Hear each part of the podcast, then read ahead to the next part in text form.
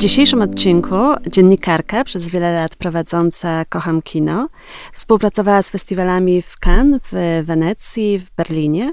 Grażyna Torbicka, bardzo mi miło, że przyjęła Pani zaproszenie. Dziękuję, bardzo dziękuję za zaproszenie. Myślę, że nie ma wiele osób w Polsce, które nie znają e, imienia i nazwiska Grażyna Torbicka. Czy tak duża popularność kiedykolwiek ograniczała Pani wolność?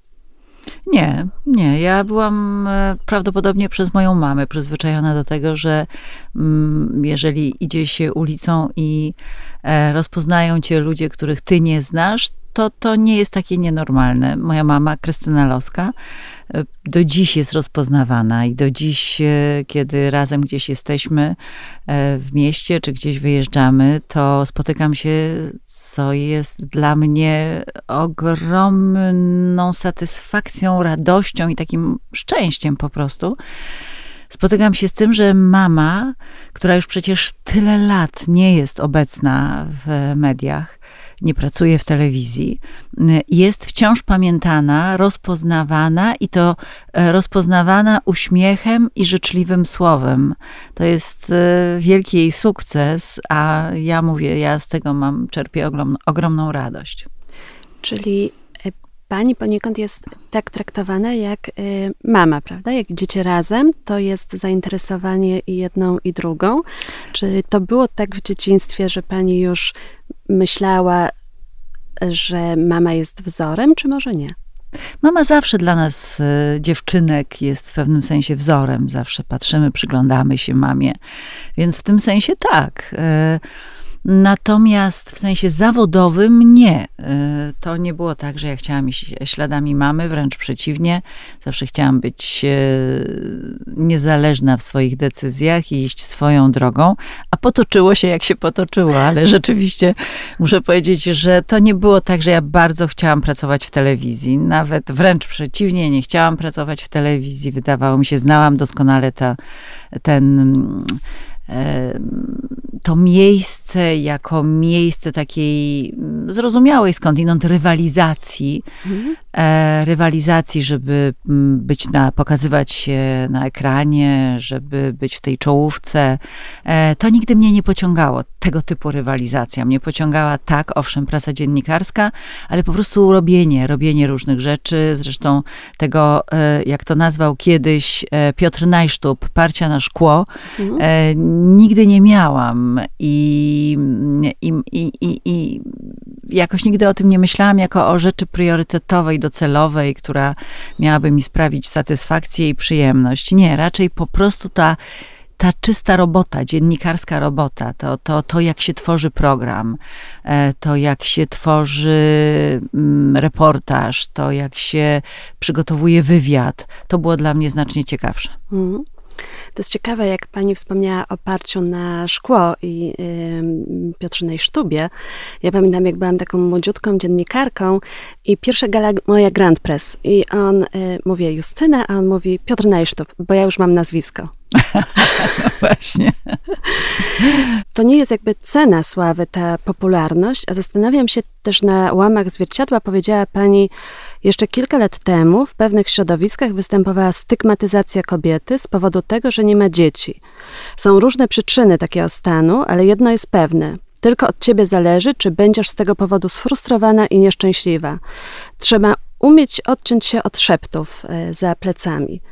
E, ta audycja nazywa się O milimetr do przodu. Niedawno był tutaj e, profesor De Barbaro, który mówił, że to jest bardzo ładny tytuł, bo jego zdaniem tylko tak następują zmiany w drugim człowieku. O milimetr. Czy może pani powiedzieć, co ułatwia odcięcie się od szeptów, bo wielu ludziom to nie udaje się przez całe życie? Myślę, że to jest przede wszystkim taka rozmowa z samą sobą, czy z samym sobą, e, bo tylko to pozwoli ci e, spojrzeć na to, co dzieje się wokół z dystansem I wielokrotnie, ja w ogóle lubię takie rozmowy z samą sobą, lubię takie zastanawianie się nad tym, co zrobiłam dobrze, co zrobiłam źle, e, czy coś, co mnie ubodło, czy coś, co mi sprawiło przykrość, rzeczywiście powinno było mi tę przykrość sprawić, czy też e, po prostu jestem nadwrażliwa i tak dalej, i tak dalej. To są różne obszary, różne sytuacje, różne tematy. I e, właściwie naprawdę jedynym rozwiązaniem jest takie zrozumienie swojej wrażliwości, swoich emocji, e, swojego podejścia do świata. I mm, nie chodzi mi o to, że to rozpoznanie własnych emocji spowoduje, że będziesz miała e, taką skórę słonia i będziesz, będziesz odporna na wszystko, też na to, co być może by cię wzbogaciło i, i było mhm. ważne dla Twojej wrażliwości. Nie, chodzi mi raczej o taką odporność, która po, wynika z tego, że znasz siebie, mhm. znasz swój charakter. E, oczywiście to przychodzi z latami, e, ale ważne, żeby takie rozmowy ze sobą przeprowadzać. Mm, mnie one pomagają i wychodzą mi całkiem dobrze, ale być może są osoby, które potrzebują takiej rozmowy z kimś. E, komu ufają, z kim zdaniem, zdaniem się liczą i tak dalej, no to, to być może jest to lepsze rozwiązanie dla tych osób. Ale dla mnie najlepszym rozwiązaniem jest właśnie takie przemyślenie problemu, który gdzieś tam mi siedzi na barkach i, i w taki sposób najlepiej się od niego uwalniam. Czy może Pani dla naszych słuchaczy podać przykład takiego problemu, kiedy Panią coś ubodło i zastanawiała się Pani, czy czasem to Pani nie jest za bardzo wrażliwa? No, w tej chwili to są rzeczy, które będę przywoływać raczej z przeszłości, ponieważ e, dzisiaj, tak jak mówię, znam siebie dosyć dobrze. A co mi pomogło w tym poznaniu siebie, to też chętnie o tym powiem w dalszej części naszej rozmowy.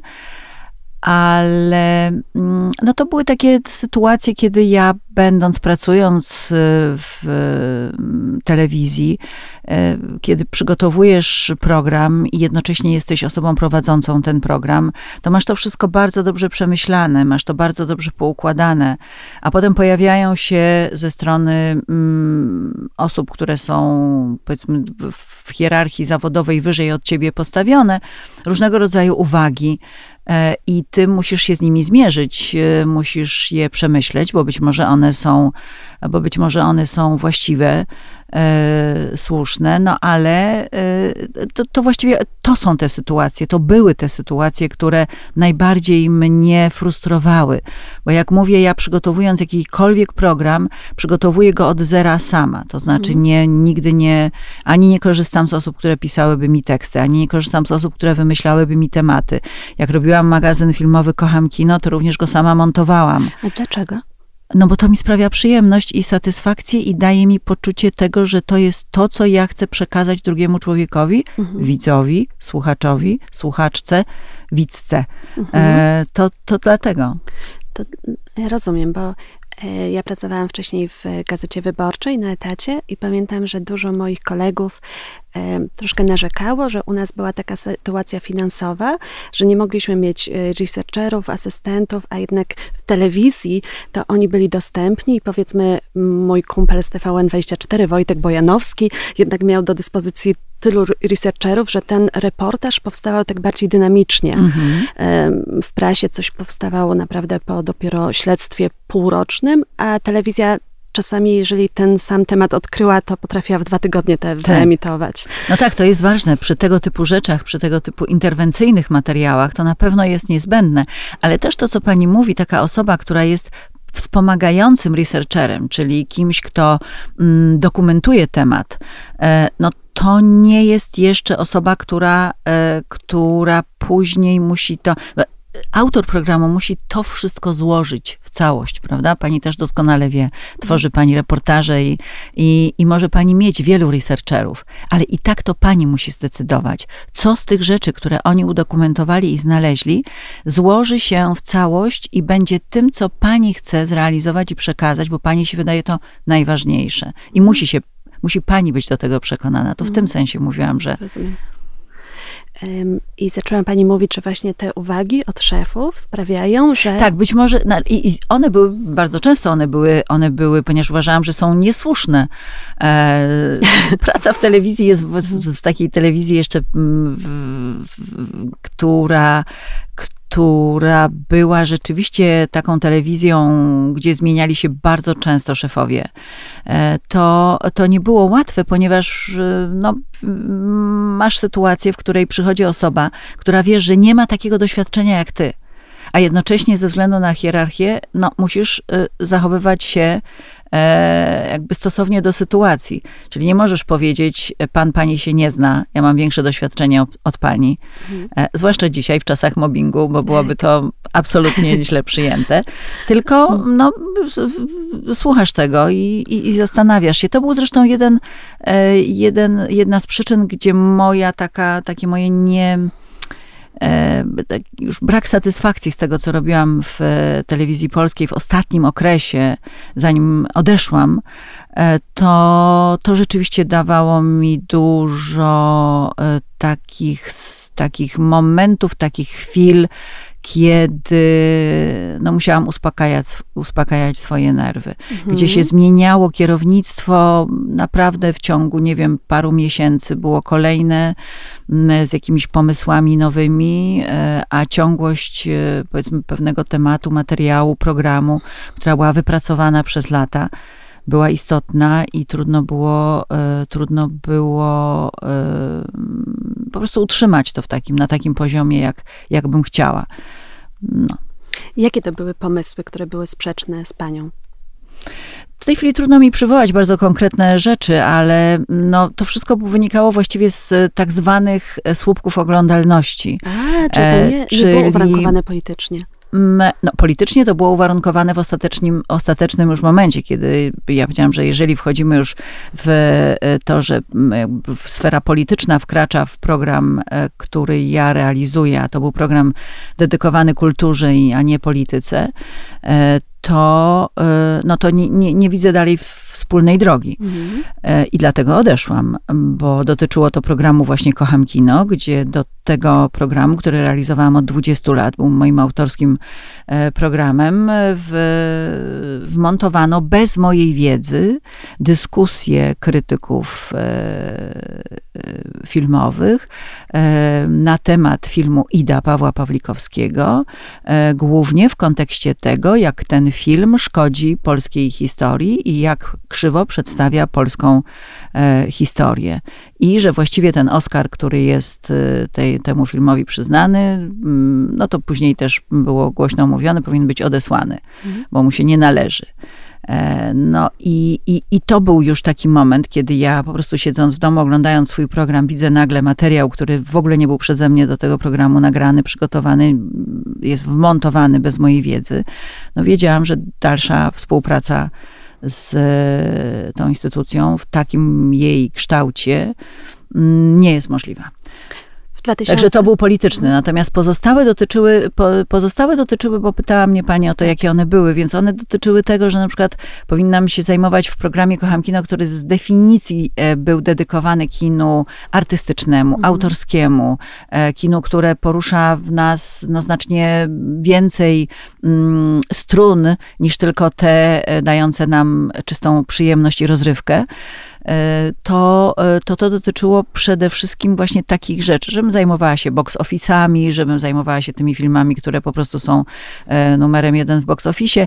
A ja uważałam, że jeżeli coś jest numerem jeden w box office, to nie ma powodu się tym zajmować, ponieważ to i tak jest prawdopodobnie kino amerykańskie, które ma bardzo duży również budżet na promocję i na całym mieście będziesz widziała plakaty danego filmu. Ja zawsze chciałam pokazywać te filmy, które są małe, skromne, a ważne, bo mówią o rzeczach rzeczach istotnych i twórców tych filmów przede wszystkim i twórczynie. E, to było dla mnie najważniejsze.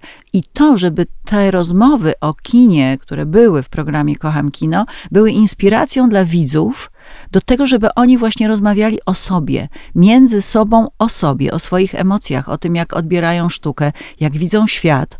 Ja, bo to jest też poznawanie właśnie siebie, e, siebie i to jest to, od czego zaczęłyśmy.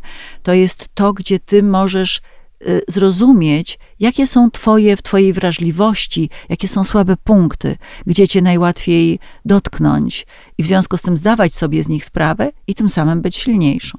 Hmm. A czy był jakiś film, który tak panią poruszył, że dokonała pani zmian w swoim życiu? ja obejrzałam tak dużo filmów i tak dużo filmów mnie bardzo poruszyło, że naprawdę jest mi trudno powiedzieć, czy jeden z nich zmienił moje życie, ale kino myślę w ogóle w bardzo dużym stopniu e, mm, ukształtowało um, i mój charakter w jakimś sensie, i moją osobowość, ale kino rozumiane akurat w moim wypadku bardzo szeroko, bo ja zajmuję się nim przez wiele, wiele, wiele już lat i to, że się nim zajmuję, oznacza, że spotykam i mam okazję rozmawiać z twórcami tych filmów i twórczyniami.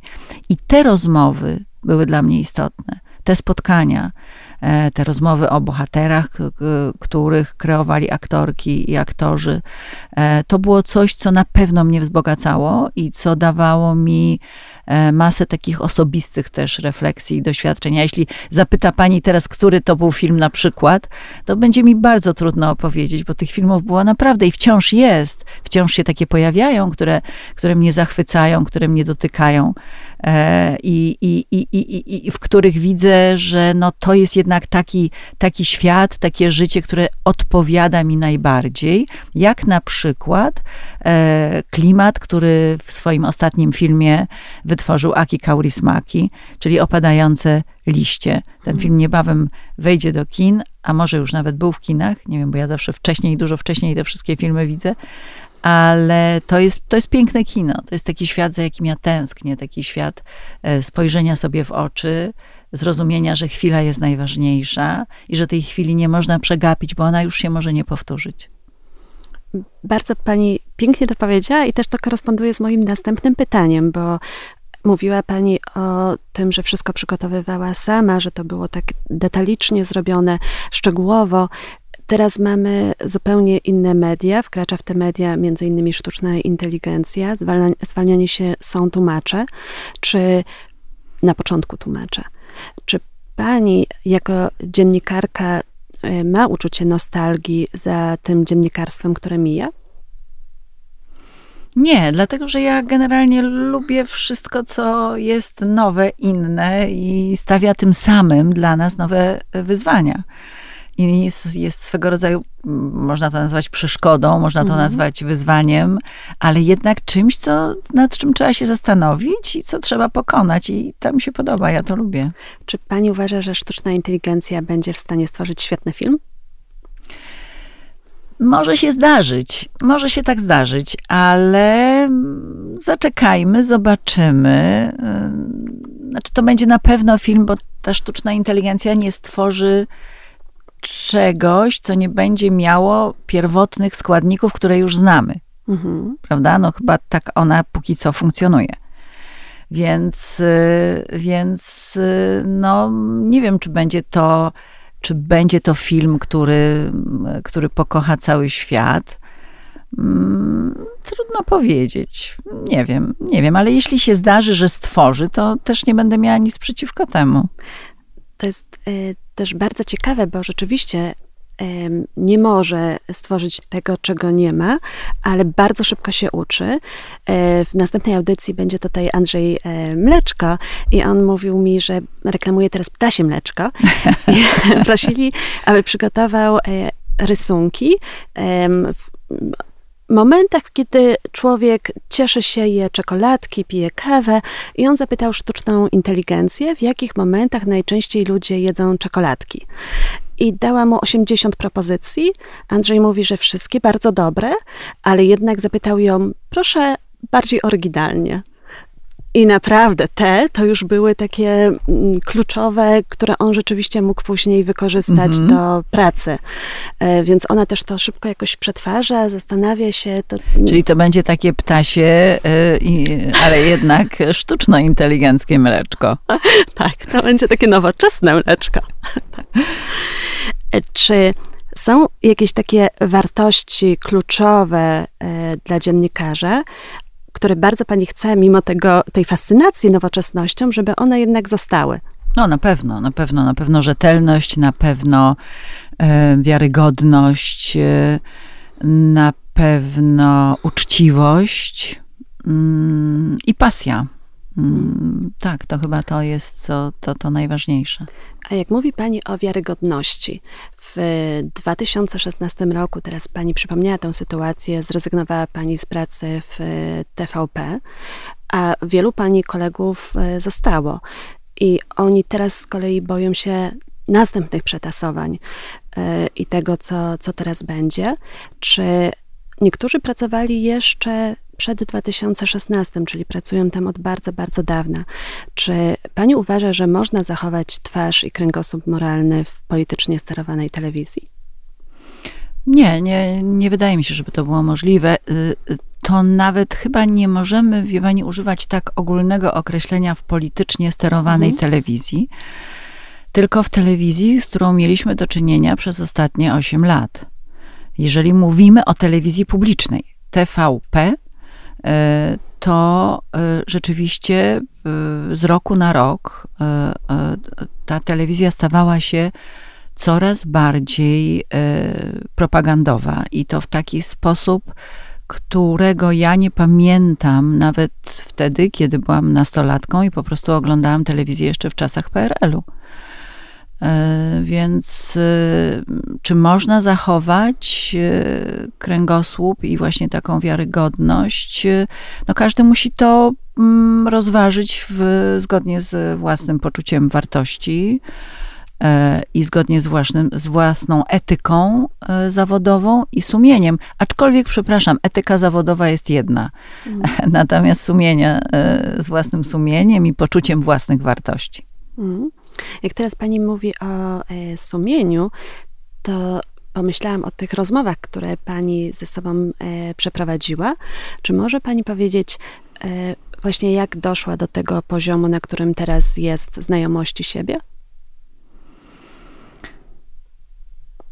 to jest coś, co dosyć trudno określić w takim jasno sprecyzowanym przekazie, bo to jest po prostu coś, co ja nazwałabym takim najprościej świadomym życiem. To znaczy, żyjesz sobie i e, obserwujesz świat, uczestniczysz w wielu wydarzeniach, pracujesz, masz dom, zakładasz rodzinę, masz bliskich.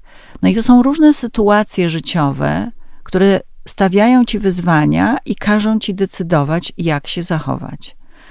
I jeżeli y, przy różnego rodzaju trudnych sytuacjach E, mm, wyciągasz z nich wnioski po to, żeby e, drugi raz albo nie popełnić tego samego błędu, to jest jedna możliwość, albo nie przeżyć tego tak bardzo, tak mocno i tak dołująco, albo by cieszyć się tą chwilą, która minęła, a ty jej nie zauważyłaś, bo byłaś gdzieś w jakimś pędzie, bo wydawało ci się, że inne sprawy są ważniejsze, to to są te jakby momenty, które budują e, w, mojej, w moim odczuciu to świadome życie. I ono jest fantastyczne, ono jest, ono jest e, pełne niespodzianek. Ono jest oczywiście zawsze, wydaje ci się, że już je znasz, a ono jednak cię zaskakuje i pokazuje ci jeszcze inne swoje oblicze. I to jest wszystko fantastyczne. Trzeba to wszystko garściami e, brać, czerpać, ale w jakimś sensie Mm, korzystać z tego dla siebie, to znaczy budować siebie właśnie poprzez te wszystkie zdarzenia, które, e, które na swojej drodze napotykasz. Jeżeli to są bardzo e, przykre sytuacje, to nie obrażać się na to życie, tylko też e, no, stara prawda, co cię nie zabije, to cię wzmocni. To jest, to, to jest prawda i, i z niej też trzeba czerpać. No więc to takie są historie, mhm. bardzo banalne, proste, E, ale wydaje mi się, że ważne, dlatego że czasami w tym codziennym pędzie e, o nich zapominamy. Mój ukochany neurobiolog, czyli Andrew Haberman, właśnie często powtarza, że w tych sytuacjach najbardziej e, trudnych w naszym życiu wystarczy, że pomyślimy, że stres nas też buduje i że poznanie tych trudności, tego w jaki sposób sobie z nimi radzimy, może sprawić, że jesteśmy bardziej wartościowymi ludźmi w przyszłości. I e, samo same te myśli sprawiają, że lepiej przejdziemy przez e, stresujący czas. E, to jest dla mnie bardzo ciekawe, jak działa mózg, że po prostu możemy go w pewien sposób nastawiać do różnych sytuacji. Dokładnie, to jest fantastyczne. To jest właśnie to, o czym właściwie przez cały czas naszej rozmowy gdzieś tam poruszamy te, te struny. I, I, to, co pani powiedziała, to jak działa nasz mózg, jakie on ma nieprawdopodobne możliwości, e, ale e, czy my zawsze z nich korzystamy? Tak? Mhm. Czy nie bagatelizujemy pewnych sygnałów, które, które dostajemy? E, sygnałów, które być może sprawiłyby, że wszystko okazałoby się prostsze, znacznie prostsze.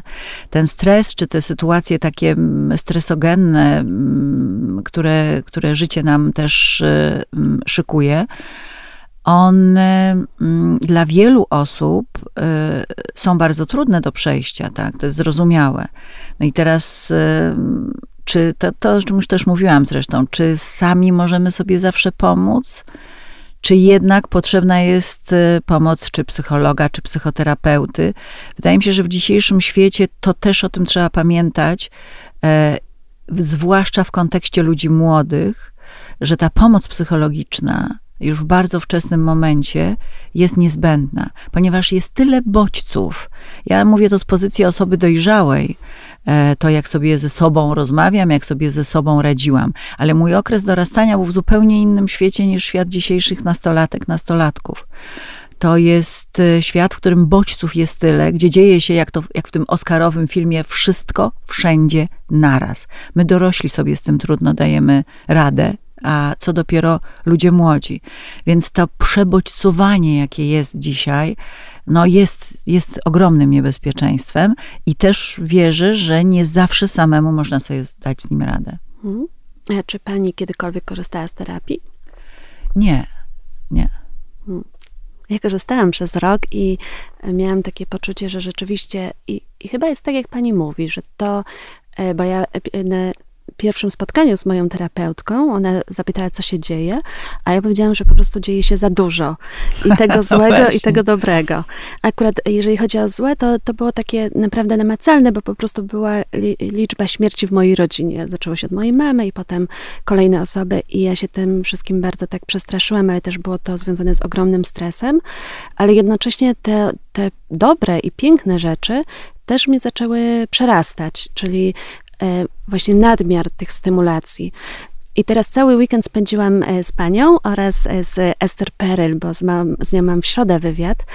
I to dla Państwa słuchaczy, którzy być może nie wiedzą, kim jest Esther Peryl, to jest jedna z najsłynniejszych psycholożek na świecie, która niebawem przyjedzie do Polski na konferencję Impact. I ona uważa, że nadmiar y, stymulacji obecnie i ilość bodźców prowadzą do tego, że bardzo wielu ludzi staje się martwych za życia. Hmm. Mm, czyli pani ma tutaj podobną refleksję? Ja się, tak, ja się zgadzam, że, że jest coś takiego i muszę powiedzieć, że to jest, y, ja sama, tak jak mówię, no jestem osobą dojrzałą, bardzo dużo, e, bardzo dużo mam życiowych doświadczeń i, i, i mimo tego mam poczucie czasami, że dosyć trudno mi cieszyć się, e, co ja bardzo lubię, cieszyć się chwilą. Hmm. Dla mnie ta chwila jest zawsze bardzo ważna i zawsze z moim mężem rozmawialiśmy, ponieważ on jest lekarzem, więc to jest zrozumiałe, że bardzo dużo rzeczy musi mieć precyzyjnie zaplanowanych. I, e, I to samo dotyczy naszego życia. To znaczy, na przykład urlop musiał być dokładnie zaplanowany z wyprzedzeniem, również dlatego, że urlop e, w pracy musiał, w szpitalu musiał być zgłoszony dużo wcześniej i tak dalej, i tak dalej. A dla mnie zawsze była najważniejsza ta, i już było cieszenie się i właściwie dla życie tym, że e, był, nie wiem, luty, a tu było już myślenie i cieszenie się, że w czerwcu pojedziemy na urlop. I dla mnie to było niezrozumiałe, naprawdę, mhm. a cenne, to, to jest piękne, coś takiego. Bo dla mnie zawsze najważniejsza była ta chwila, mhm. ta chwila, która jest, albo te chwile, które trwają. E, to też jest istotne i to też, to też paradoksalnie pozwala oderwać się od tego przebodźcowania. Więc polecam tę metodę chwili, cieszenia się chwilą. No. Teraz powstały najdłuższe w historii badania na temat szczęścia. Niedawno opublikowali je profesorowie Harvarda i okazało się, że szczęście zależy tylko od jednej rzeczy. Jest to oparcie w innych ludziach i zaufanie do bliskich, czy do kolegów w pracy, czy do przyjaciół. I tylko w tym się przejawia? Tylko i wyłącznie. Okazuje się, bo badano e, ludzi w którzy byli na Uniwersytecie Harvarda, ale też e, sprzątaczy, osoby pracujące na recepcji w różnych zawodach. I niektórzy badali ich na w takim długim czasie, bo e, w, ciągu 80 lat, więc e, niektórzy... 8, przez 80 lat, czyli od... Najdłuższe badania w historii, jakie są, to są właśnie badania na temat szczęścia, dlatego dla mnie, jako socjologa, były niezwykle interesujące, bo badano ich co roku. I mm, o ile e, na przykład pan, A ile który to ekip pracował, badających musiało być? Tak. I pan jako sprzątacz pracujący E, po 20 latach powiedział, no czy wy zwariowaliście, dlaczego wy mi dalej, dlaczego wy mi dalej badacie?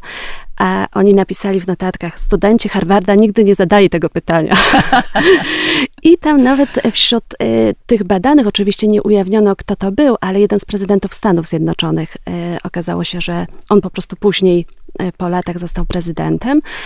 Był też minister wśród tych osób, ale było też bardzo dużo takich zawodów o charakterze fizycznym. I okazało się, że na samym początku drogi ci ludzie myśleli, że szczęście dadzą im pieniądze, pieniądze, a niektórzy myśleli, że świetne samochody, niektórzy myśleli o ubraniach, ale były też takie osoby, które myślały, że po prostu podróże każdy, czy właśnie realizowanie swojej pasji. Każdy tam miał inne pomysły na to, ale okazało się, że po 80 latach e, jedyny czynnik determinujący szczęście to było oparcie w ludziach i prawdziwe zaufanie, czyli E, jeżeli chodzi o długoletnie związki, były osoby, które były nawet w związku 60 e, lat i jednak nie były szczęśliwe. Mhm. I zawsze powodem było to, że one nie mają oparcia w mężu czy w żonie. A mimo to są 60 lat razem. Są e, na przykład z powodów finansowych, albo z powodu tego, że mają wspólne różne rzeczy. To też nie jest tak łatwo się rozwieść, więc e, no, myślę, patrząc że... na dzisiejsze życie, to wydaje się, że jest bardzo łatwo. Tak, ale badania były przeprowadzone jednak 80 lat wstecz, aż do tego czasu, więc myślę, że te osoby, no na przykład w mojej, w mojej miejscowości, pozdrawiam Wieliczkę, te osoby, które znam z młodości, te małżeństwa, nawet jeżeli było między nimi e, źle, to jednak zostały razem. To, to nie jest takie, mm, myślę, że łatwe dla tych ludzi, który, którzy obecnie są w wieku 60, 70, 80. W każdym razie, wracając do tego zaufania do partnera, to które cechy pani męża najbardziej, najbardziej do niego zbliżają, a które są trudne? A, które zbliżają. Wydaje mi się, że mam podobne postrzeganie mm, tego, co w życiu jest ważne. Czyli właśnie ta relacja, jaka jest między y, ludźmi, y, to jest coś, co, co powoduje, że tak dobrze jest nam ze sobą razem. Hmm. Że my przede wszystkim y, to, co stanowi dla nas istotną wartość, to jest szanowanie drugiego człowieka. Przy, jednoczesnym, e, przy jednoczesnej świadomości, że ten człowiek może mieć e, nawet inne poglądy od naszych, że ten człowiek może mieć zupełnie inne zainteresowania, ale, mm, ale zawsze staramy się w każdym człowieku odnaleźć e, pozytywne cechy i odnaleźć dobro. I to chyba jest coś, co nam bardzo ułatwia e, wspólne życie, bo zawody mamy zupełnie różne. E, aczkolwiek ja jestem zafascynowana tym, czym zajmuje się mój mąż. E, nie w medycyną w szerokim rozumieniu tego, ale bardzo takim specyficznym wycinkiem z dziedziny kardiologii i zatorowości płucnej. To są rzeczy naprawdę, jak czasami słucham jego wykładów, a mam też szansę teraz, kiedy e, pojawiły się e, wykłady online, to czasami mąż nadaje je po prostu z domu. Mhm. I kiedy mam okazję posłuchać tych wykładów, to jest to naprawdę coś, co, e, co jeszcze inaczej powoduje, że jeszcze inaczej na mojego męża patrzę, co też jest fajne. Czyli jak? No, bo fakt, że ktoś jest lekarzem, zawsze budzi nasz szacunek, prawda? No i więc y, wykonywanie zawodu lekarza, y, ja znam y, ten zawód lekarza poprzez mojego męża. Mhm. Wiem, że to jest pełne oddanie i że jest to traktowanie mm, tego zawodu jako wyjątkową misję, gdzie dostajesz do ręki człowieka, który jest chory, który potrzebuje Twojej pomocy i musisz mu tej pomocy udzielić. Musisz znaleźć sposób. Jeśli nawet jesteś bezradny, bo widzisz, że ty nie możesz, to musisz znaleźć wyjście e, i być może oddać go w inne ręce, innego specjalisty. Musisz zdiagnozować tego pacjenta. E, musisz być do tej do dyspozycji właściwie 24 e, godziny na dobę. E, no to, to naprawdę jest szczególny rodzaj związku. Jeśli, jeśli wielokrotnie na przykład gdzieś jechaliśmy, czy do teatru, czy do filharmonii, czy na jakieś spotkanie i w połowie drogi e, jest telefon i koniec, wracamy. A, a, albo jeśli to było spotkanie u przyjaciół, ja jechałam sama, mąż wracał do kliniki i, e, i wracał do pracy, wracał do pacjentów. E, a teraz, jak słucham jeszcze, bo mm, mhm. zawsze y, jedna to jego droga to jest droga lekarza mm, zajmującego się bezpośrednio pacjentami, a druga to jest praca naukowa, którą prowadzi bardzo intensywnie od początku właściwie swojej, e, swojej drogi zawodowej.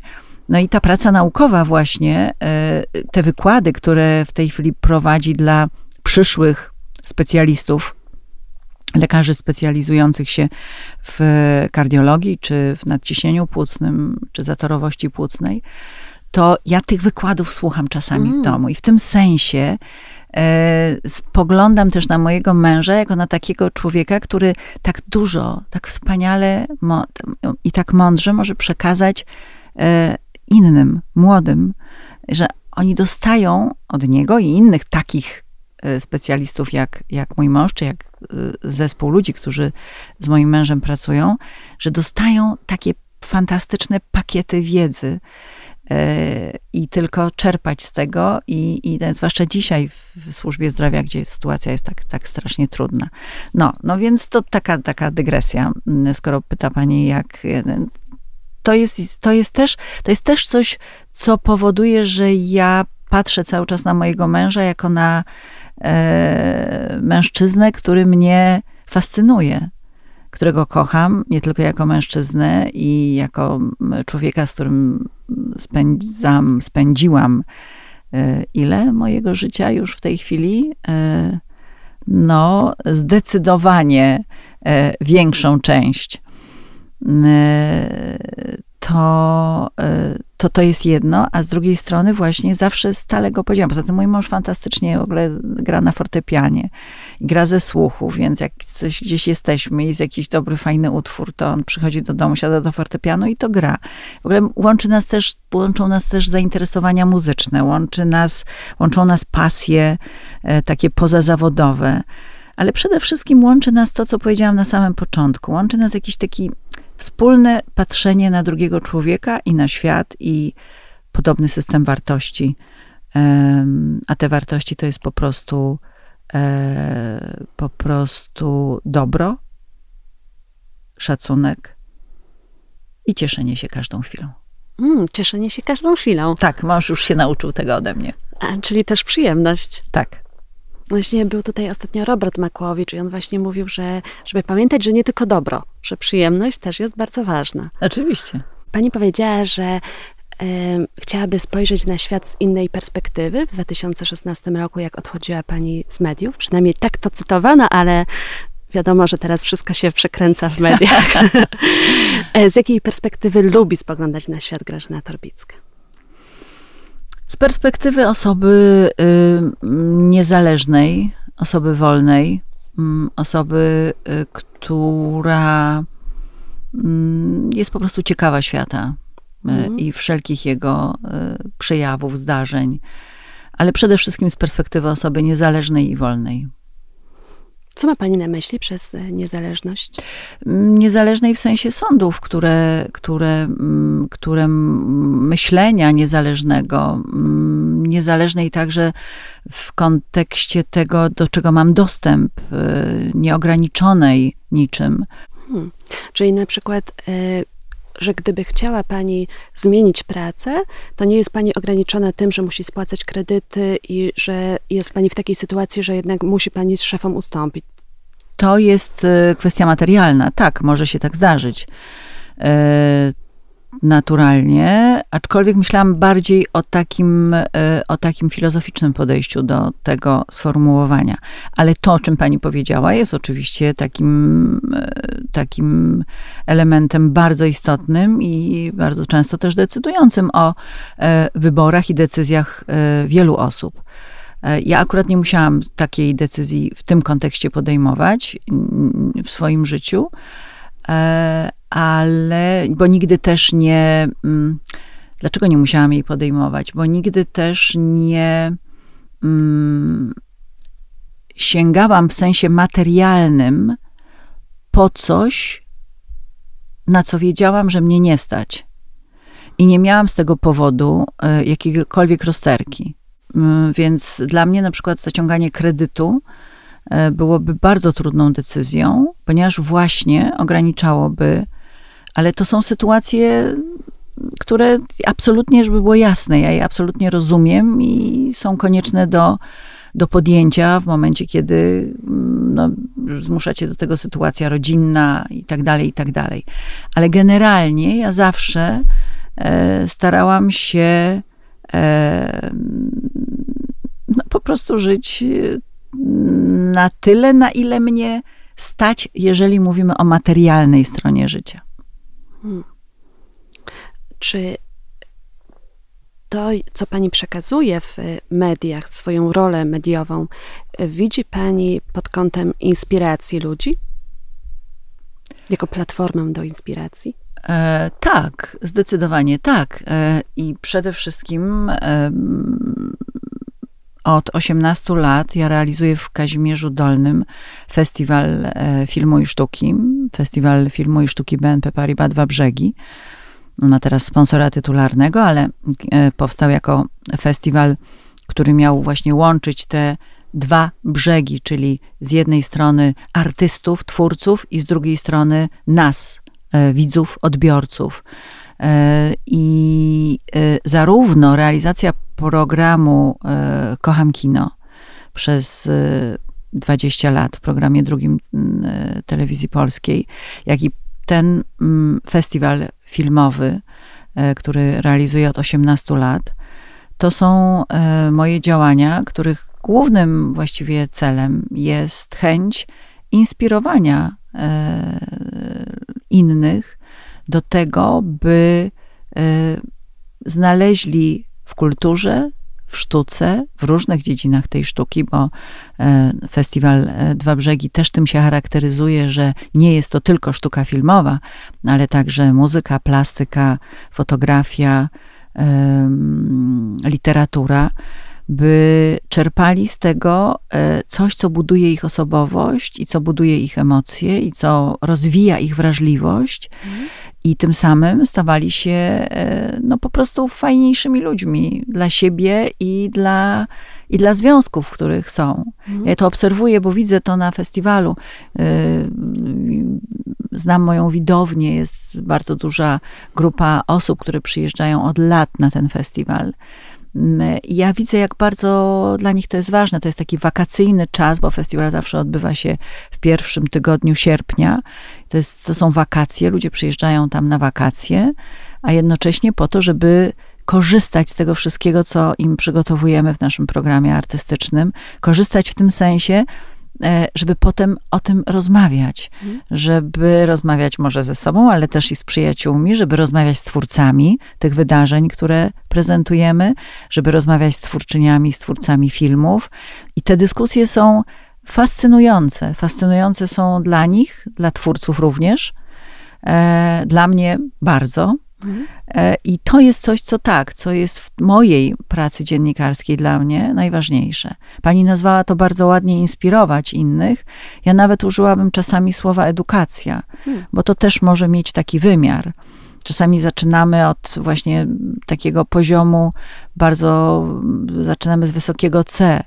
E, tak było z tym festiwalem. E, retrospektywy, które tam były przeze mnie przygotowywane na początku, to były retrospektywy artystów takich jak na przykład Karl Theodor Dreyer, bardzo trudnych e, w odbiorze, ale jednocześnie z pełną świadomością jakby proponowanych do tego, żeby zobaczyć, żeby poruszyć wrażliwość odbiorców w taki sposób, w który ona jeszcze do tej pory nie była poruszona a potem rozmowy o tym. I te rozmowy są najistotniejsze. Mhm. Bo w, w ogóle uważam, że sztuka jest cudowna w naszym życiu, dlatego że ona inspiruje nas do tego, żebyśmy wyrażali siebie i wyrażali swoje myśli. Mm, I, I to jest tak, to jest coś, co w mojej pracy dziennikarskiej jest, daje mi największą satysfakcję. Mówiąc o Pani pracy dziennikarskiej, y, ja wspomniałam już, że Pani była na wielu festiwalach filmowych y, na świecie. Czy widzi Pani różnicę w podejściu do pracy dziennikarza w Polsce, we Włoszech, w Stanach Zjednoczonych? W Stanach Zjednoczonych nie znam e, tak wielu osób, e, o których mogłabym powiedzieć, że mogłam zaobserwować, jak pracują. Ale w Europie tak. I mm, wydaje mi się, że, że pracujemy podobnie. To znaczy, że to jest, y, to jest porównywalne. Nie, nigdy nie miałam takiego poczucia, że mm, no może w, wynika to tylko i wyłącznie z różnego e, z, z, tego, jak patrzysz na różne pokolenia dziennikarzy. Jeżeli jest pokolenie bardzo młodych dziennikarzy dzisiaj, e, to często widzisz, że to jednak jest, jest, znaczy to jest też fajne, bo ja na przykład widzę u młodych osób zajmujących się filmem, że oni zachwycają się czymś, co odkrywają dla siebie. Zachwycają się na przykład, e, no, użyjmy chociażby um, takiego nazwiska bardzo popularnego i znanego jak Federico Fellini. To wcale nie jest oczywiste, że filmy Federico Felliniego młody y, człowiek zajmujący się dzisiaj filmem widział. E, I odkrywanie dla niego tych obszarów, które ja już doskonale znam i gdzieś tam mam prze, przetworzone, przepracowane, jest też dla mnie bardzo ciekawą obserwacją.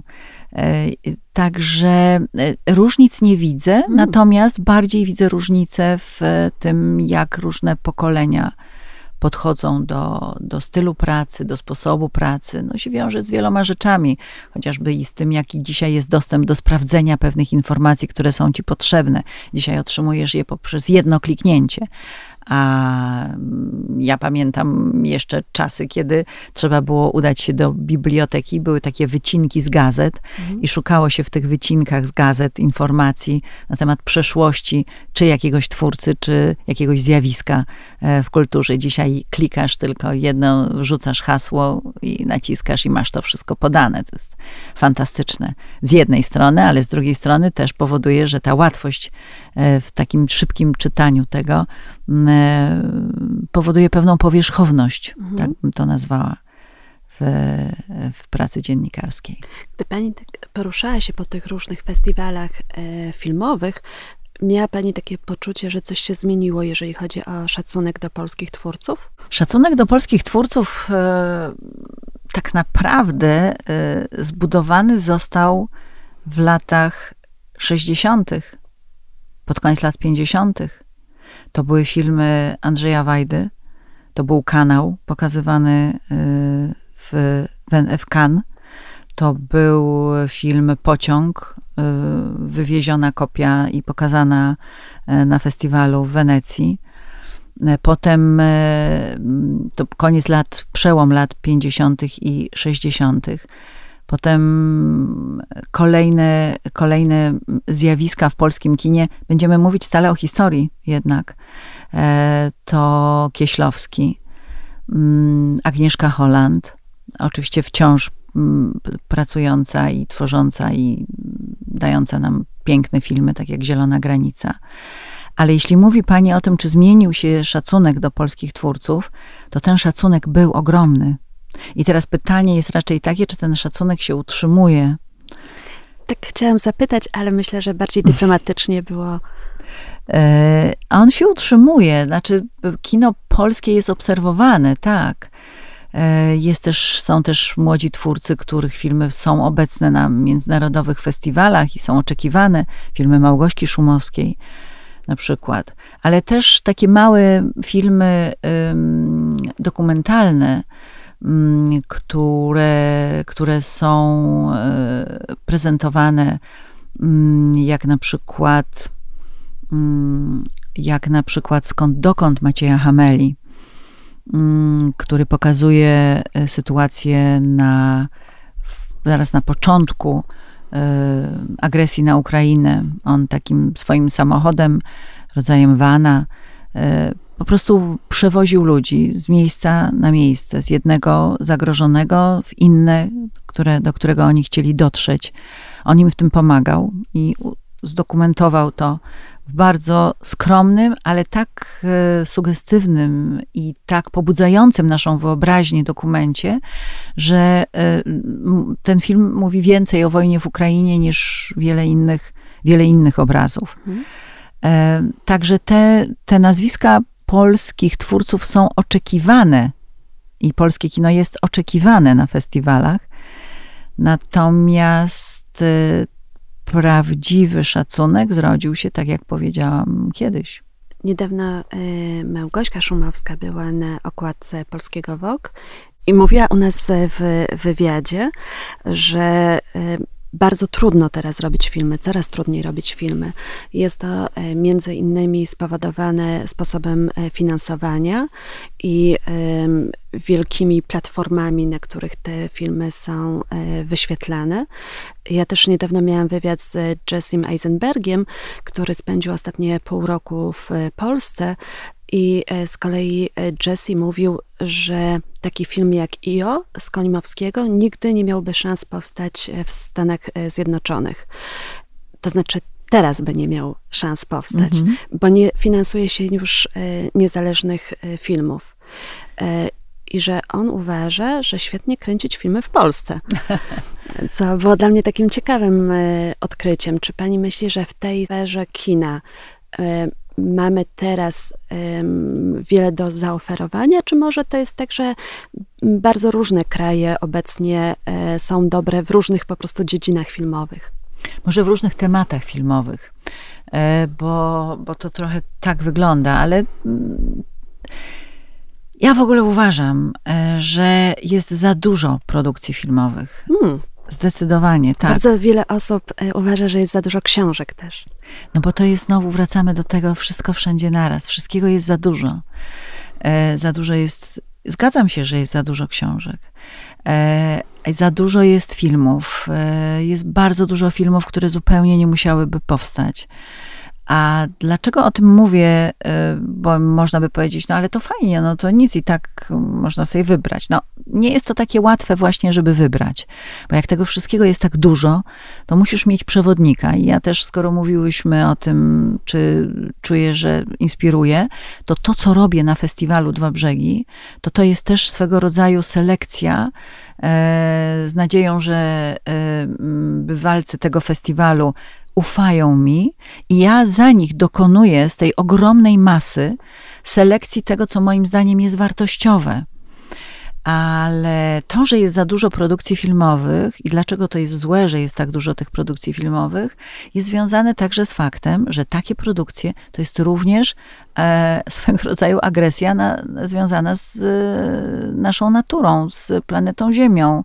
I ta nadprodukcja filmowa to jest także e, nadprodukcja wielu czynników, które są szkodliwe dla e, naszej planety. Więc e, z tego powodu chociażby uważam, że powinniśmy się naprawdę mocno zastanowić. To samo dotyczy książek. To są rzeczy, które produkujemy, produkujemy, produkujemy, tak jak żywność. Produkujemy, produkujemy, ale nie skonsumujemy tego wszystkiego. A jednocześnie tworzymy poprzez to tworzenie e, niszczymy niszczymy naszą planetę. A to jest fascynujące, bo rzeczywiście bardzo dużo osób mówi teraz o ekologii w kontekście no ubrań, właśnie. w kontekście jedzenia, a nikt nie mówi w kontekście twórczości. Ale czy nie zgadza się pani, że jakby pomyśleć o tym głębiej, to ma to y, podobne skutki? Produkcja filmowa, jak sobie wyobrazimy plan filmowy, to to jest ogromna fabryka. I e, ja kocham kino, żeby nie było wątpliwości i chcę, żeby powstawały wspaniałe filmy, ale naprawdę powstaje ich za dużo.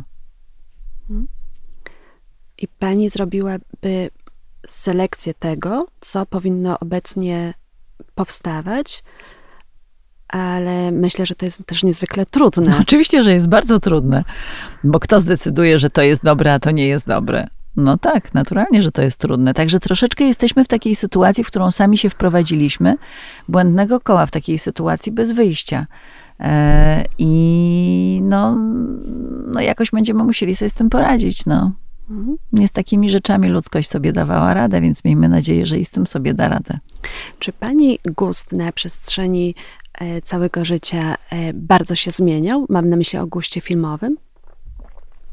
Tak, dlatego że ja e, robiąc te, działając w tej sferze, sama się uczyłam, sama poznawałam różne style filmowe, różne, e, różnych artystów. I tak, zmieniał się, e, aczkolwiek ja mam pewną skazę związaną z tym, że mnie jednak pociągają filmy, które, które są filmami, gdzie no jesteś, musisz naprawdę wejść w, wejść w ten temat i musisz, um, użyję mocnego słowa, przecierpieć ten temat. Bo, bo to jest coś, co, co, co, co zawsze mi się podobało w kinie że jakieś takie poruszanie tematów trudnych, e, tematów nie, nie, nieprzerobionych, niezbadanych, że dramaty psychologiczne, ale w dobrym naprawdę wydaniu, że, mm, że to było coś, co mnie zawsze jakoś mocno wciągało, aczkolwiek nie mogę powiedzieć, żeby melodramatyczne historie były dla mnie przykre. Też, e, też z radością je też z radością je oglądam, ale lubię takie kino, które jednak dotyka spraw, którymi żyjemy e, i które mm, pomaga nam gdzieś też ich zdefiniowaniu i przeżyciu, może mniej bolesnym, bo po prostu na ekranie, a nie, a nie w życiu. I tak daje nam szansę zmierzenia się z tematem. Najlepszym przykładem jest chociażby film Sławka Fabickiego Lęk, który jest jednym z pierwszych filmów w polskim kinie dotyczących mm, eutanazji. E, I to są tematy, o których my bardzo rzadko mówimy, których unikamy, mm, a one też są, też są istotne, też są częścią życia. Mhm. Takie... Ale zeszłyśmy na bardzo już teraz mroczne e, przestrzenie. Więc ja troszeczkę wprowadzę światła. O, to bardzo dobrze. Pani rozmawia z wieloma e, twórcami, reżyserami, e, aktorami. W jaki sposób pani dobiera swoich gości do wywiadów? Czy to są właśnie osoby, które panią gdzieś pobudzają i inspirują? Czy bierze Pani pod uwagę dany klimat twórczy w, w określonym czasie? Praktycznie to są zawsze postaci, to są twórcy, twórczynie, dlatego że e, to tak jak e, e śpiewał e, Mick Jagger kiedyś, e, it, it's, it's a singer, it's not a song. Tak? Mm. To piosenkarz, a nie piosenka robi na tobie wrażenie.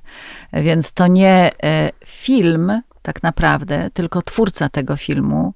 E, Czyli nie Zielona jest, Granica Agnieszka Holland? A Agnieszka Holland, tak, bo ktoś inny zupełnie inaczej by tę zieloną granicę, czy tę granicę pokazał. E, no więc wtedy y, interesuje cię osoba, która to stworzyła. I to jest to chyba, co głównie mm, powoduje moje, moje wybory. To znaczy, mm, chcę pogadać, nie wiem, z Julianem Sznablem, bo jego film Skafander i Motyl mnie poruszył. Chcę pogadać z Agnieszką Holland, bo jej Zielona Granica jest, y, jest kinem mocnym, bardzo dobrym. I, i, i, i to jest taki, taka droga. Mhm. Ja troszkę tęsknię do takiego kina, e, jak tutaj była e, pani Agnieszka Holland, to rozmawiałyśmy oczywiście o Zielonej Granicy, ale tęsknię do takiego kina jak Samotna Kobieta, Mm. Czyli też dramaty psychologiczne. Też jest pani w tej strefie. Tak, w ogóle ja pamiętam tę, tę scenę do tej pory z właśnie Bogusławem Lindą, jak oni się poznali, ile tam było emocji. I rzeczywiście jakoś tamto kino do mnie bardziej przemawia. To znaczy, oczywiście y, widzę, że teraz też mamy do czynienia z wybitnymi filmami, czy Pawła Pawlikowskiego, czy właśnie Małgośki Szumowskiej, ale miałam takie wrażenie, że te starsze filmy, że tam było ich więcej, a może z drugiej strony, jeżeli już sięgam do tamtego kina, to wybieram perełki. To też może być troszkę y, socjologiczne. Tak, to może być. Na pewno klasyka filmowa daje, zresztą czerpanie z niej jest cudowne. E, ale jest, są, też, są też filmy y, dzisiaj bardzo ciekawe, które, mm, które poruszają podobne tematy y, i mm, dobrze oddają też naszą rzeczywistość. E, to jest na przykład film Chleb i sól.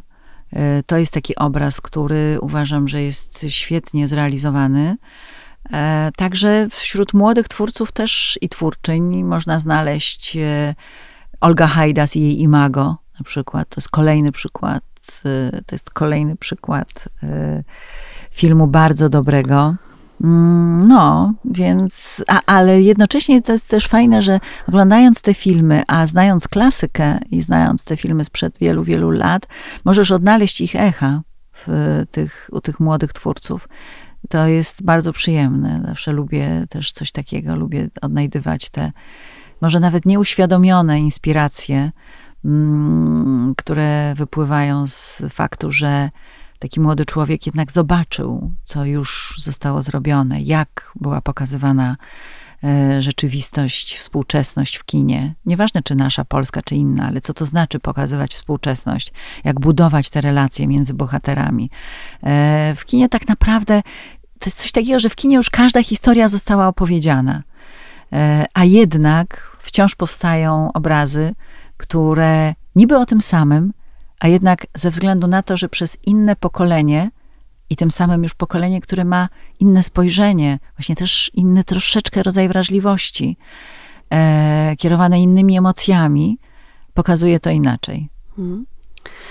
Ja teraz e, mam taką możliwość, żeby przeprowadzać e, wywiady z wieloma znanymi osobami na świecie, a jednocześnie zauważyłam, że to się sprowadza do tego, że często agencja takich osób mówi, że na wywiad jest 15 minut. To i tak jest duże szczęście. A ja wtedy tłumaczę, że jedna z najlepszych dziennikarek w Stanach Zjednoczonych, Ann Applebaum, zrobiła bardzo słaby wywiad z Zełęskim, bo właśnie dostała tylko 20 minut. A, czyli rozumiem, że 15 minut to nie jest tak mało, jak pani do tego to jest, podchodzi? Nie, to nie jest wcale tak mało, dlatego że ja wiele wywiadów, które przeprowadzałam tuż po premierowych pokazach filmów na festiwalach, e, to, to były wywiady, gdzie, tak jak pani mówi, agent czy agentka mówił, dobrze, ale mamy tak napięty plan, że masz maksymalnie 7 minut. E, więc to są.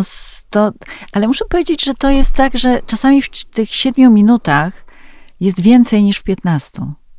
To zależy od, nie wiem właściwie od, od czego. czego to zależy, nie bo wiem. rozumiem, jak pani mi mówiła, że ma tyle tych rozmów ze sobą przeprowadzonych, że jak coś nie wyszło, to pani to poprawia. To myślę, że ma pani tak ogromne doświadczenie, e, którego się nie da porównać z innymi dziennikarzami, jeszcze w, tak, w pracy po prostu pod względem czasu tak trudnej. Tak, bo ten czas festiwalowy, który my mamy pracując na festiwalach, jest naprawdę bardzo ograniczony. Co więcej, twórca jest rozchwytywany, to znaczy y, on o tym filmie, czy ona o, o, o tym filmie mówi bez przerwy. I teraz musisz znaleźć sposób na to, żeby tobie powiedziała może coś innego, albo żeby ci spojrzała w oczy i na moment się zastanowiła, nie odpowiedziała mechanicznie, bo już wiesz, że to było pytanie, które, bo nie ma cudów, zadali inni. Nie wymyślisz. No więc zawsze dla mnie, zawsze najistotniejsze było to, żebym miała szansę przeżyć wewnętrznie, przemyśleć e, temat, na który chcę, e, o którym chcę rozmawiać, czyli w tym wypadku film. No ale to też nie jest takie proste, bo film oglądasz i po godzinie masz już ten wywiad. Więc nie masz takiego czasu, nie masz dystansu. E, zawsze w każdym razie dla mnie było najważniejsze to, żeby iść za impulsem, za instynktem, za jakąś emocją, która uderzyła mnie najmocniej, która gdzieś była dla mnie najistotniejsza przy oglądaniu filmu i skupić się na niej. I może nawet w pierwszym momencie widzisz zaskoczenie w oczach e, twojego gościa, że dlaczego zaczynasz od takiego tematu? I właściwie to, mhm. ale to ma sens, bo widzisz, że on zaczyna się zastanawiać i to już jest udany wywiad. Jak widzisz zastanowienie w, e, i, i zawahanie w tej odpowiedzi, czyli ona jest konstruowana w tym momencie, a nie jest już przygotowana, bo to jest kolejne pytanie, które pada, takie samo, no to już wiesz, że jest dobrze. Hmm. I w tych siedmiu minutach, stąd mówię, że czasami w tych siedmiu minutach możesz mieć więcej ciekawych rzeczy. I nawet one mogą być zawarte, no ja mówię o telewizyjnych rozmowach, czyli ta kamera patrzy na twarz mojego rozmówcy czy mojej rozmówczyni. I czasami po prostu z, tego, z tej reakcji na twarzy, z jakiejś takiej mowy ciała, z zawahania, wyciąga widz więcej dla siebie niż z płynnie, e, z płynnej odpowiedzi. Hmm, czyli z tym, co się dzieje we wzroku, w spojrzeniach, w mimice twarzy. A czy były takie wywiady, gdzie pomyślała pani, kurczę, tak to nie wyszło, że nie puszczamy tego? Nie, że nie puszczamy, to nie, to, to nigdy nie, bo, bo, bo to jest też e, dokumentacja chwili. Nawet jeśli nie wyszło, no to, to też jest ciekawe. E, natomiast, bo, bo, bo widz też musi, musi się zastanowić, dlaczego nie wyszło, co, co było nie tak.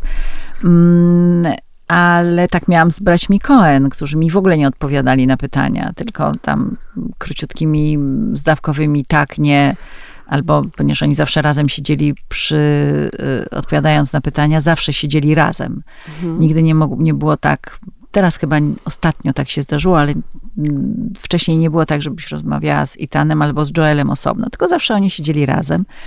No i tak spoglądali na siebie i tak albo ruszali ramionami, albo mówili, no tak, no nie. No i tyle, no. I tak wyglądała rozmowa. No ale to też jest jakaś dokumentacja, to też jest coś o nich mówi, prawda? To też mhm. jest e, coś, co dla widza uważam jest ciekawe. E, także nie miałam takiej sytuacji, żebym coś wyrzuciła do kosza. A były takie wywiady, które coś o pani powiedziały? Czyli, że pani się jakoś wyjątkowo zestresowała podczas odbicia piłeczki? Myślę, że były, na pewno. Nie przypomnę sobie teraz takiej, takiej sytuacji.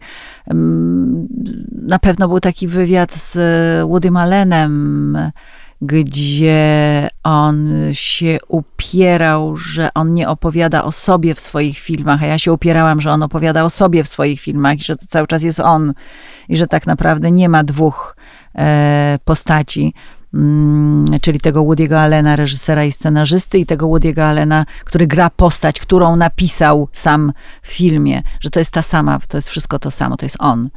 E, I tak się sprzeczaliśmy przez 15 minut, a to było bardzo fajne.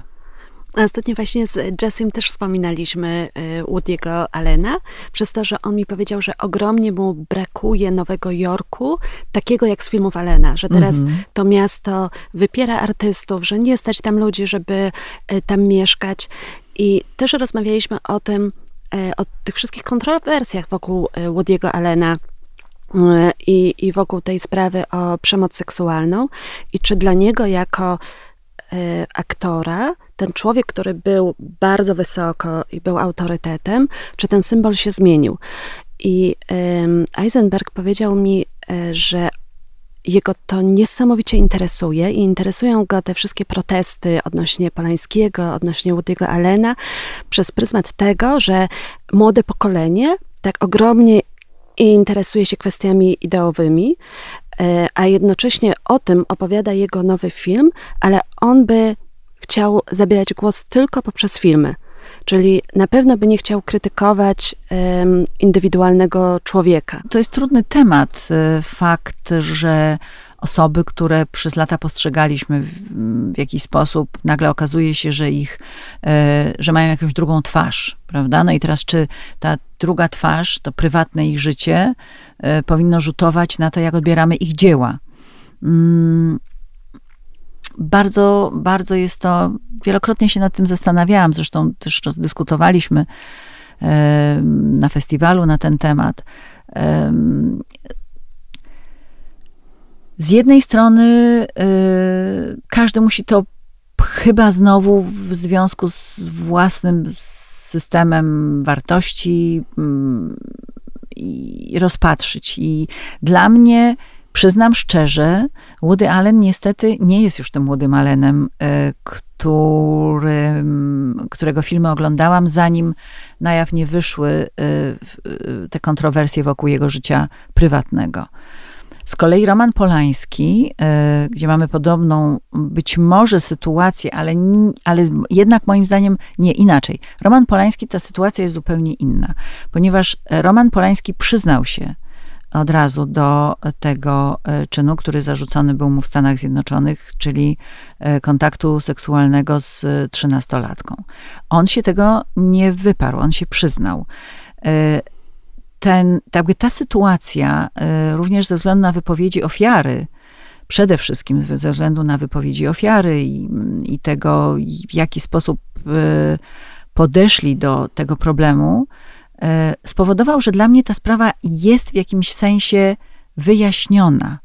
Ona nie jest usprawiedliwiona, ale jest wyjaśniona mhm. przez sprawcę i jest skomentowana przez ofiarę. Mm, Natomiast tam nie mamy takiej sytuacji w, w, w wypadku Woody'ego Allena. E, Woody Allen nie wypiera się wszystkiego, co, co, co tych, tych, wszystkich rzeczy, które są mu zarzucane. I oczywiście można powiedzieć, no tak, bo nie są udowodnione, ale jakiś, jakaś rysa pozostaje. I muszę powiedzieć, że w prostu taki zwykły, osobisty, normalny, ludzki sposób jest mi trudno patrzeć dzisiaj na jego filmy w oderwaniu od tej wiedzy, którą, e, którą mam. No więc to jest taka bardzo, bardzo trudna sytuacja, bo to dotyczy też wielu innych aktorów e, z Hollywood, którym też zarzucono molestowania seksualne. Bardzo dobrze, że to wszystko nabrało publicznego wymiaru. Bardzo dobrze. I bardzo dobrze, że o tym się mówi. Czy to spowoduje, że nie będzie takich sytuacji? Też nie jesteśmy w stanie tego powiedzieć, ale, ale na pewno e, ta otwartość, to, e, to mówienie o tym i niezgadzanie się na tego typu sytuacje jest e, czymś, co, co jest bardzo ważne. Mhm. Ja kiedyś mówiłam, że moim mottem, jeszcze jak pisałam reportaże, jest oddanie głosu tym, którzy na co dzień go nie mają Teraz dodałam, że także tym, którzy przesuwają ten świat o milimetr do przodu. I tak pomyślałam jeszcze odnośnie tych y, kilku ostatnich minut naszej rozmowy, że oddawanie komuś właśnie głosu to jest też potęga, można powiedzieć. Czy pani teraz by oddała taką platformę właśnie Woody'emu Allenowi, czyli zrobiła z nim wywiad? Tak, mogłabym, zrobiłabym z nim wywiad bardzo chętnie, gdybym miała na to rzeczywiście co najmniej 15 minut. Bo w 7, 7 minut nie. W 7 minut bym nie zrobiła tego wywiadu, ponieważ jest to zbyt. Y, tylko nie wiem, czy przy którymś pierwszym czy drugim pytaniu y, wywiad by się nie zakończył. Czy on by nie, nie wyszedł? Wiem, nie, nie wiem, czy by, no właśnie, nie wiem, czy by chciał rozmawiać, bo rzeczywiście chciałam, prawdopodobnie jednak ta rozmowa musiałaby dotyczyć y, tych dwóch torów, które stały się już publiczne, bo już nie ma czegoś takiego jak prywatny Woody Allen, prawda? I Woody Allen, reżyser i scenarzysta, to się połączyło. Więc pewnie o tym byłaby ta rozmowa. No i tak, jeśli mogłaby o tym być, to tak, to, to, to, to nie powoduje, że ja taką osobę odrzucam, e, co do której stawiane są zarzuty. E, wręcz przeciwnie, jestem ciekawa, bardziej jeszcze ciekawa rozmowy z nią, szczerej rozmowy z nią i wysłuchania jej argumentów. Audycja nazywa się o milimetr do przodu i każde, każdy odcinek kończy się apelem gościa. E, Agnieszka Holland e, apelowała o to, byśmy poszli do wyborów, co się na szczęście stało. Pani prezydentowa Kwaśniewska apelowała o równość małżeńską i prawa małżeńskie dla osób LGBT+, o co apeluje Grażyna Torbicka.